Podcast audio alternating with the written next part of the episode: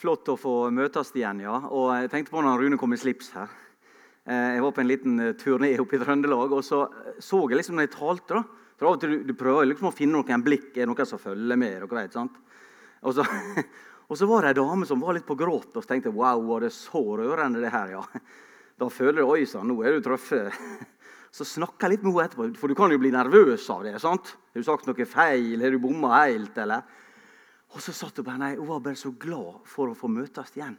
For hun syntes det hadde vært så vanskelig å være stor for Gud dette året. Så tenkte jeg stor for Gud. Eh, har du lyst til å være stor for Gud? Og, og spørsmålet er går det, går det bra, syns du? Går det så det suser?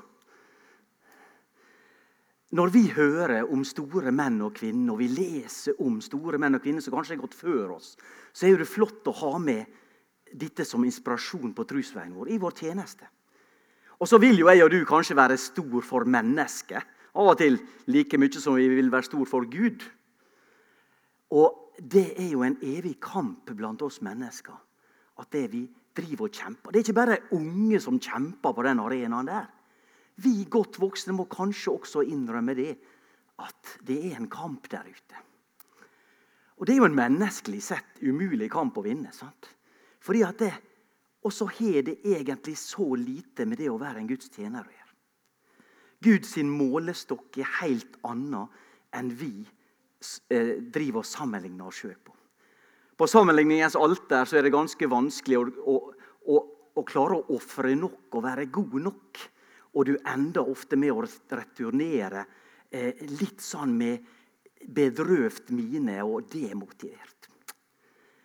Eh, og så kan det også være slik at det, når vi hører om de store, om du er predikant eller musiker eller leder, eller hva du nå er, og det å høre om folk som er gått foran, de store evangelistene f.eks. Dere som kan historien til NLM, dere vet jo at det, dette her var jo Kinamisjonen, stemmer ikke det, fram til andre verdenskrig? Og da, da, husker, da, kan dere sikkert barnelærdommen med eh, James Hudson Taylor og sånn.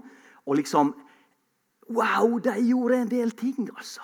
Det var sus. Det var ikke dette pjasket som vi kan holde på med i dagliglivet. Men så Også når du hører om Billy Graham. da, Kanskje alle hørte om han. Altså, Han døde jo i 1999. Og han hadde talt altså til altså, 210 millioner mennesker fysisk. Syns det er bra oppmøte her i dag. Jeg er ganske fornøyd. Men 210 millioner fysisk har han fått tale til. Og lenge før nesten Insta og hele styret så har han fått nådd to milliard over mediekanaler. Oi! Har du lyst til å være stor for Gud? Eh, det som er, da Kanskje kommer vi aldri til å bli som deg. Til mer du ser at livet går framover, flere ting som ikke fungerer. Eh, det er neppe sånn her heller at dere har hatt det som en sånn der sus på vei oppover hele livet. Da må du i tilfelle rette opp hånda. Så jeg bruker å si. Da får du ha oppskrifta på det livet. Hvis det er noen som bare har hatt den kurva, og det, du ser liksom ikke det skal gis the limit. Nei, det blir skuffelser. Det kan være følelser av ubesvarte bønner. Har jeg gjort noe for Gud? Har gjort nok for Gud? Også når du er ung, så vil du kanskje tenke wow, jeg skal gjøre store ting. Og så har du kanskje ikke karakterer til å nå akkurat inn på det du drømte om. Du ser de andre drar forbi, går videre, går fortere, når lenger opp. Du ville kanskje ha et flott ekteskap. Du venta liksom på det flotte livet som skulle starte. Det kan være vanskelighet i kirka, mellom trussøsken. Ei kvinne på 45 år hun hadde et fint vitnesbyrd. Hun og mannen hadde endelig fått et barn. Hadde bedt om å få et barn lenge. Halleluja. Så begynte hun å se seg rundt. Oi, det ser egentlig ut som alle andre mødre er ganske mye flinkere med barna sine enn meg. Og så så hun andre som ikke hadde fått barn, og tenkte oi, de ville sikkert blitt bedre mødre enn meg. Verden er ikke perfekt, og media og alt rundt oss har 100 måter å fortelle meg og deg på at det ikke er helt godt nok. Og de vil også tilby gjerne en løsning. Bli selskapelighetens vinner. Bli jobbvinneren. Bli vinneren på økonomi. Eh, og her er mange, mange ting. Og så ser vi at vi når ikke opp helt menneskelig sett. Å, være, å måle seg med andre er en farlig sport. Men Gud, for Gud så teller ikke den målestokken.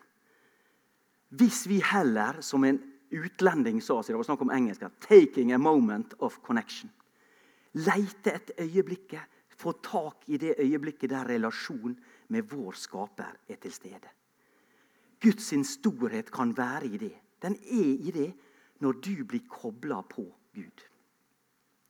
Av og til må du kobles på av andre.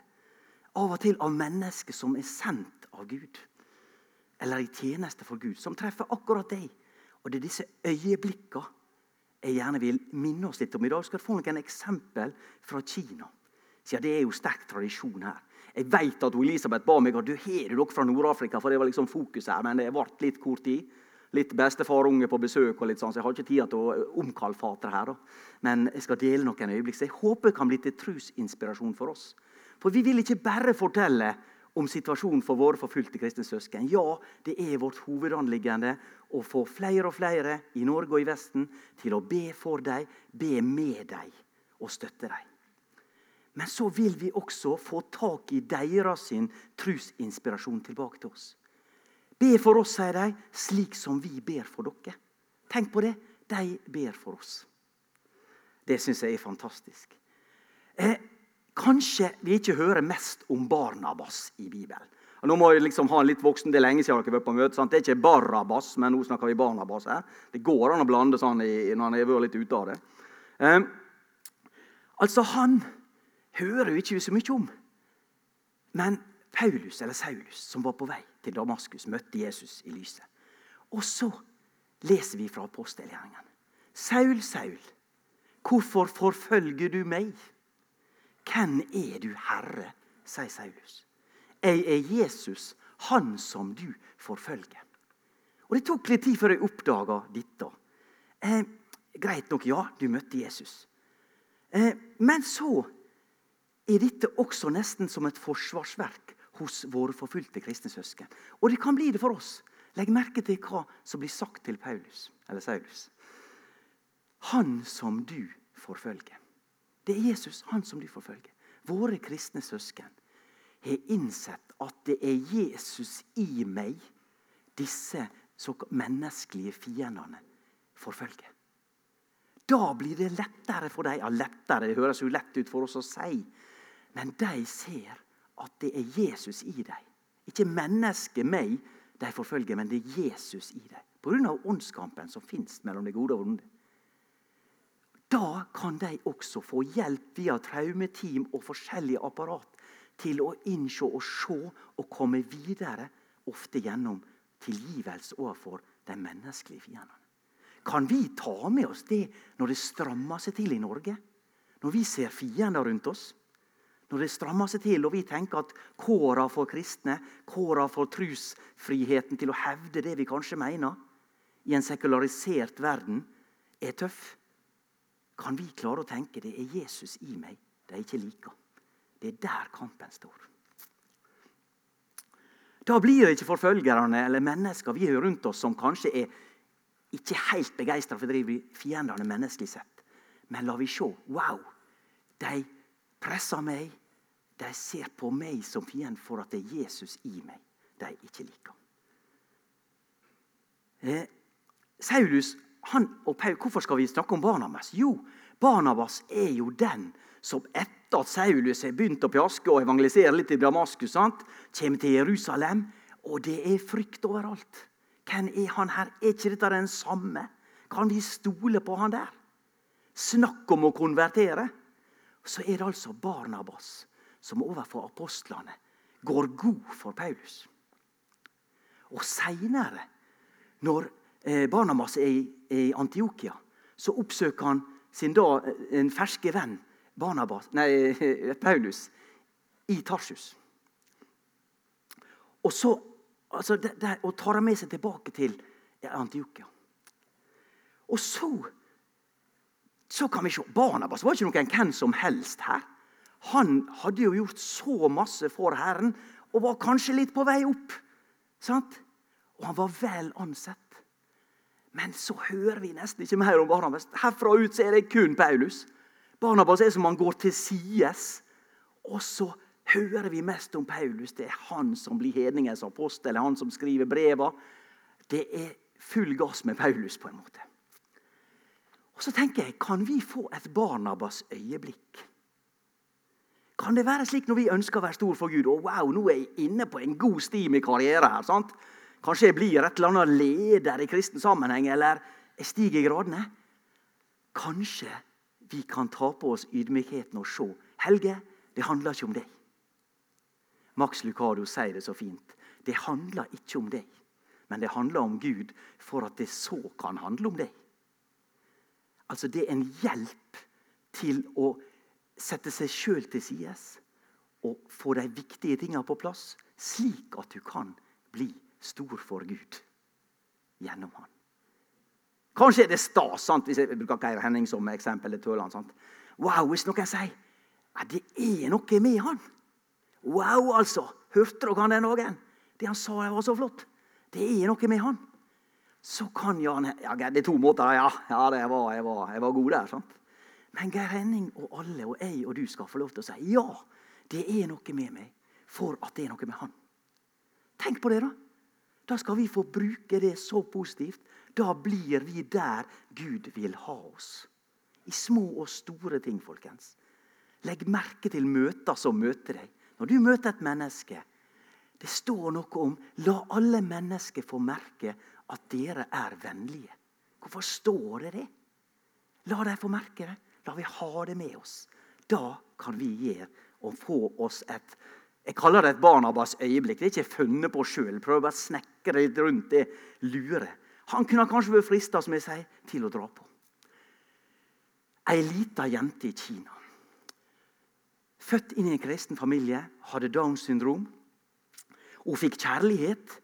Onkelen var en stor husmenighetsleder. Undergrunnsleder. Hun eh, fikk, ikke, fikk kjærlighet, men fikk ikke noe opplæring. Men så vokste hun til og så var det en slektning som hadde en bensinstasjon. Denne lille jenta, eller nå ungdom, fikk jobben med å fylle opp bensin. Den gangen det var slik i Norge, da, så var det sånn at noen kom ut og fylte bensin. Det var jo stas. Jeg husker Strandmannen på Sula. Der kom de ut og fylte bensin. Sånn, full tank satt der som storkar i bilen. Jeg rakk ikke det, jeg hadde ikke lappen, men jeg hørte om det. Og så, Hun jenta der hun fylte bensin. Og Så kom det fire karer inn så litt skummel ut, syns hun, for hun var jo litt redd for hvordan folk skulle behandle henne. Og så De røykte alle sammen. Det er jo ikke lov på bensinstasjonen, men det brydde ikke seg om i Kina. Og så hørte hun på samtalen at disse fire karene var fra partiet. Kommunistpartiet, eller regjeringa. Og de hørte hun fanga opp. De er på vei til min onkel, som driver husmenigheter. Og hun tenkte her et øyeblikks magi i denne jenta. Så fyller hun, later så hun som hun fyller full tank. For hun visste jo hvor langt det var til onkelen. Og Så fyller hun bare opp, bruker litt tid, og så fyller hun bare kvart tank. Og Så veit ikke hun noe mer om det. Men det som skjer Disse kommer jo ikke fram. To år etterpå så forteller onkelen til denne jenta hva som skjedde den dagen. Denne dagen så skal du vite at jeg hadde samla alle husmenighetene, de hemmelige husmenighetene, hjemme hos meg. Dit så disse mennene skulle for å ta meg og arrestere meg. Hadde ikke du gjort det du gjorde, så hadde dette satt tilbake husmenigheten og fellesskapet. Mange, mange hadde blitt arrestert. Tenk for et øyeblikk. Kanskje det eneste øyeblikket hun kjente på som en wow, Guds tjener i dette. her. Det er ikke alltid Gud bruker eh, storhet, menneskelig storhet, kunnskap. Han sa jo til og med at 'Jeg priser deg, far', sier Jesus. Himmelens og jordens skaper, for at du har skjult dette for hvite, vise og forstandige, men åpenbarte for umyndige små. Corrie ten Boom, en åpne dører-forfatter som var fanga under krigen under nazismen, eh, hun skrev jo fornuft er ikke påkrevd for å gjøre en jobb. Av og til kan det være til direkte hinder for å gå Guds vei. Nå skal ikke vi snakke ned fornuft og kunnskap, og alt dette her, men se at alle, jeg og du, samme om vi føler oss smart, er fornuftige, har strategiene på plass, så kan det være nyttig til mangt og mye, ja. Men så kan Gud bruke, og vil bruke, mer av det vi har i hjertet, enn det vi har i hodet. Av og til. Men Gud har gitt oss begge deler. En pastor i Beijing han ble arrestert og plassert i fengsel. Han ble banka opp. To menn kom inn uten nåde, slått bevisstløs. Våkna opp mer eller mindre helseløs i et hvitt rom. Han så opp. Oi, kan det være himmelen? Men så ser han to menn, de samme mennene som hadde banka han opp, stå rett foran senga. Og så tar frykten hans igjen. Men så ser han lenger bort. Der står en ganske brysk mann i uniform. Og så sier denne mannen hvorfor er dere to her, dere som banker meg. På grunn av han, sier de. Så sier denne mannen ehm, Jeg er her for å sørge for at dette ikke skal skje med deg en gang til. Og Han blir helt himmelfallen. Hva er det som skjer? Jeg hørte hva som hadde skjedd med deg. Og Så sier denne mannen seg, er du, er du en kristen? Nei, det er ikke jeg, sa Men for mange år siden så var jeg i England. Og Jeg opplevde egentlig engelskmenn som ganske uhøflige og ikke så veldig gjestfri. Men så tenkte jeg, før jeg reiste tilbake til Kina, så må jeg prøve å besøke ei kirke. og se hva Det er der Det kom et gammelt ektepar og hilste på meg, ønsket meg velkommen som en fremmed. De inviterte meg til middag første gang de så meg etter gudstjenesten.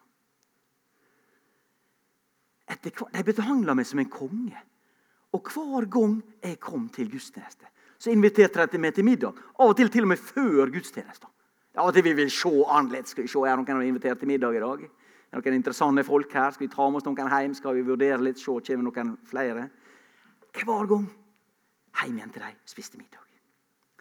De ba for ham. Etter hvert så ga de han en bibel.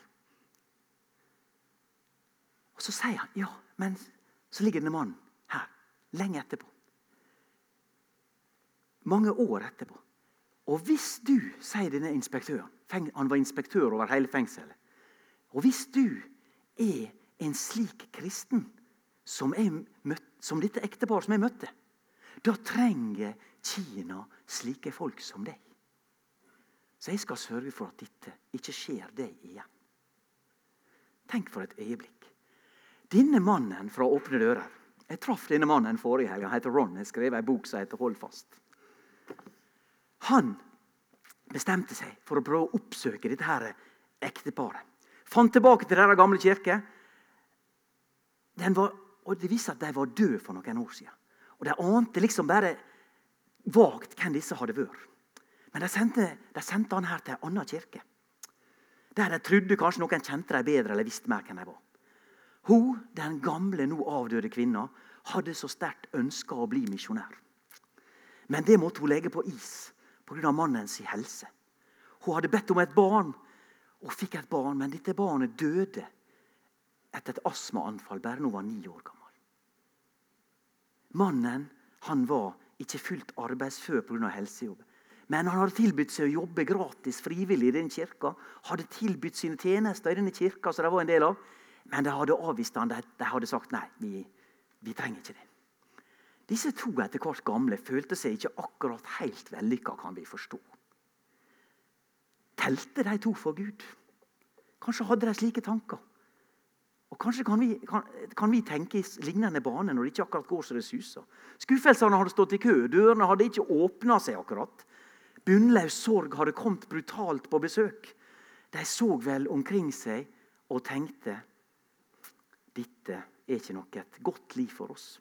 Men de holdt seg fast til Jesus. Kanskje sammenligna seg, kanskje tenkte de vi er nok noen tapere i den store sammenhengen. så, eh, så viser det seg det at Disse her er to som inviterte denne mannen. Gjorde at en kinesisk pastor mange mange år etterpå berga livet. Selv om ikke denne mannen som hadde besøkt dem, hadde blitt en kristen, så har han sett noen frukter. Tenk for et øyeblikk dette gamle ekteparet hadde hatt. Som de nok ikke visste om. 15 år etterpå.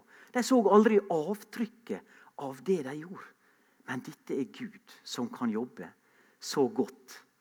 Kanskje er det slik at vi ikke alltid trenger å se avtrykket. Kanskje har vi blitt stolte og opphøyde og så 'wow, jeg har fått gjort'.